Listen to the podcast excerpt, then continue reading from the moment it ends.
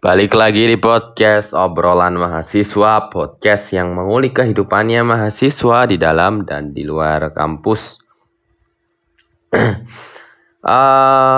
sebagai mahasiswa pasti kita itu tidak harus ber tidak bukan harus ya, tidak boleh berhenti untuk belajar. Oke, pasti teman-teman juga setuju terkait hal ini kok mahasiswa? Kita selama menjalani hidup ini aja kan juga dilarang untuk berhenti bahwa kita tidak boleh berhenti belajar. Maka uh, belajar itu kan dari kita lahir sampai di liang lahat ya. Bagaimana itu me memperlihatkan bagaimana seorang manusia itu punya kewajiban besar untuk terus belajar belajar dan belajar eh, kita kaitkan dengan mahasiswa tentu pada saat kita berbicara eh, misal S1 S1 yang biasanya kita tempuh tiga tahun setengah kalau itu hanya menjadi batasan bahwa ya sudah saya belajar uh, sesuai bidang saya jurusan saya juga hanya tiga tahun setengah itu di luar itu berarti ya saya tidak punya kewajiban gitu. Ya itu juga sebuah kesalahan. Ya itu juga sebuah kesalahan. Karena yang namanya belajar menjadi mahasiswa mahasiswa itu kan juga hanya sebatas label kan. Label yang disematkan juga waktunya tidak lama. Toh juga tidak menjamin pada saat kita menjadi mahasiswa itu kita juga akan belajar terus toh ya kan?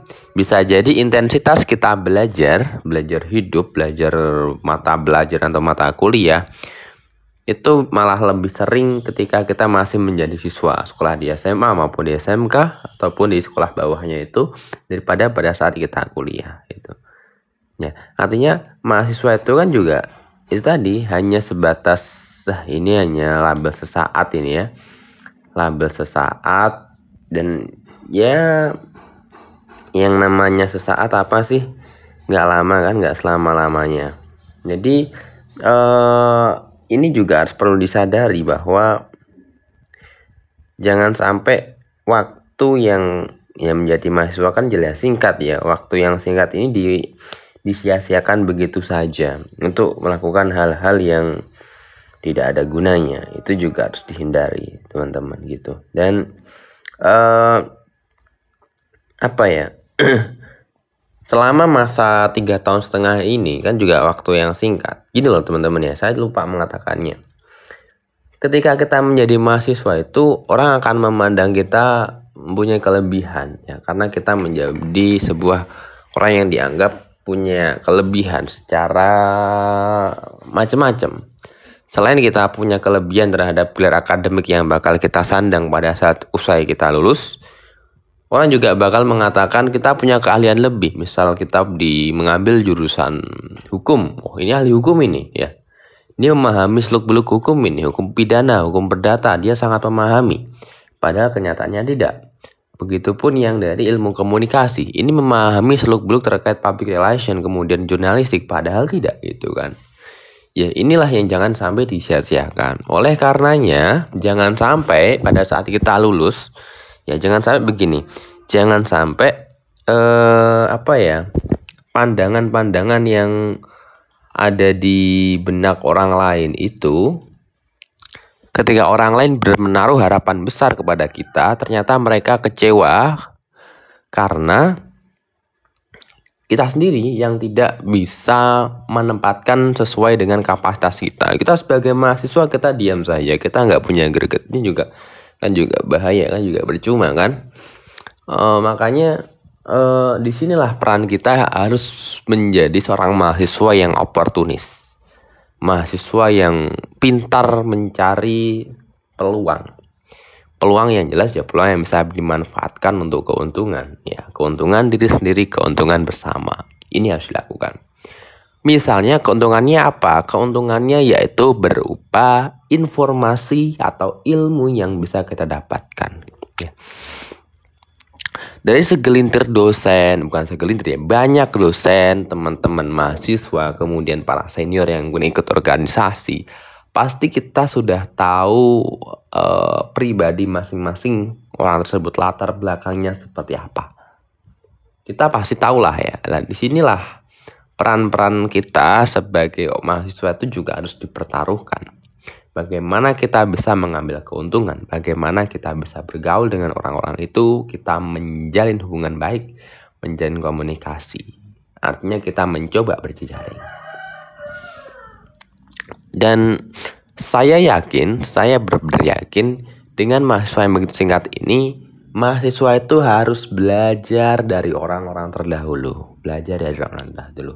Ini menjadi sebuah hal yang saya, saya katakan mutlak ya. Saya kata mengatakan hal ini mutlak. Ini bukan kok hal yang ini persepsi saya, kemudian saya enggak.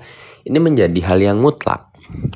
Karena eh begini, orang yang terdahulu ya, terdahulu itu bukan berarti yang sudah meninggal loh ya orang yang pengalamannya mungkin senior kita, dia punya pengalaman lebih yang belum pernah kita lakukan. Dia sudah menjalani kehidupan lebih lama, asam garam kehidupan yang dia telan lebih banyak daripada yang sudah kita makan. Inilah yang mengharuskan kita untuk terus belajar kepada orang-orang mereka, kepada orang-orang yang lebih tua, mengambil hikmah, mengambil pelajaran yang bisa kita dapatkan sehingga kita tidak salah dalam mengambil keputusan dalam melakukan sesuatu yang berkaitan dengan hidup. Ya. Mahasiswa harus seperti itu. Saya juga yakin orang-orang pentelan-pentelan yang sukses-sukses itu mereka punya guru, guru yang yang membimbing mereka, yang mengarahkan mereka hingga mereka mungkin mencapai ya kita katakan menjadi seorang tokoh ya, tokoh nasional di bidang agama politik, sosial, macam-macam. Saya yakin ada orang yang mengarahkan, ya. Ya, tidak mungkin tidak terekspos oleh kita, tapi saya yakin punya. Karena saya merasakan merasakan itu. Bagaimana dampak yang sebegitu besarnya yang saya dapatkan dari orang-orang yang lebih tua yang lebih dahulu daripada saya yang mengajarkan saya terkait ilmu kemudian pengalaman mengatakan apa menceritakan pengalamannya itu sebuah sesuatu yang berharga bagi saya. Dan mahal itu loh. Dan saya yakin nggak bisa membeli pengalaman orang tersebut gitu kan. Saya pun juga berusaha mengimbanginya pun juga sulit karena itu sebuah sesuatu yang sangat mahal. Uh, teman-teman jadi di sisi lain kita itu belajar di dalam kelas ya di ruang kuliah. Kemudian kita juga sering berdiskusi dengan dosen. Kita juga harus tahu ya kita juga harus tahu sebenarnya orientasi saya ke depan itu bagaimana sehingga kita juga harus tahu siapa orang yang saya temui untuk saya belajar. Jadi nggak asal kita hanya terbatas pada dosen yang di ruang kelas itu sangat terbatas sekali itu. Toh pertemuan kita juga sebentar. Kita nggak mungkin intensitas pertemuan juga setiap hari dan kita juga nggak mungkin obrolan yang dibicarakan bakal intens. Jika nggak mungkin. Kita juga harus menyadari itu. Maka dari itu harus ada kesadaran yang benar-benar ada untuk membentuk itu tadi. Jiwa-jiwa mahasiswa yang oportunis mahasiswa yang mau berkembang yang tidak henti-hentinya untuk terus belajar tidak merasa cukup akan ilmu pengetahuan. Ini wajib dilakukan. Gitu ya teman-teman. Jadi jangan sampai kita itu merasa lelah menjadi mahasiswa. Kita itu seorang pejuang ya seorang pejuang intelektual yang tidak henti-hentinya terus belajar bagaimana menebar manfaat berbagi kebaikan kepada orang lain ya jangan merasa lebih gitu kan jangan merasa lebih. Ya kita sebagai mahasiswa harus merasa kurang kurang kurang kurang kurang kurang kurang. Tapi jangan sampai kita merasa kita lebih gitu kan wah sudah cukup jangan. Kita sebagai kurang kurang kurang. Terus kita harus belajar belajar belajar karir karir dicapai ya penting sekali itu. Jangan sampai kita asal-asalan. Itu ya teman-teman. Uh, apalagi ya teman-teman ya? Mungkin itu sih ya. Jadi terkait saya mengatakannya bahwa mahasiswa itu harus terus belajar belajar dan terus belajar. Jangan merasa lelah jangan merasa lelah jangan merasa cukup karena perjuangannya belum usai yang ya perjuangan belum perjuangan belum usai mahasiswa harus terus belajar belajar dan terus belajar oke okay? gitu teman-teman mungkin itu di episode kali ini pesan saya belajarlah kepada orang-orang terdahulu yang secara pengetahuan ilmu dan pengalaman lebih banyak dari kita oke okay? sampai jumpa di episode selanjutnya see ya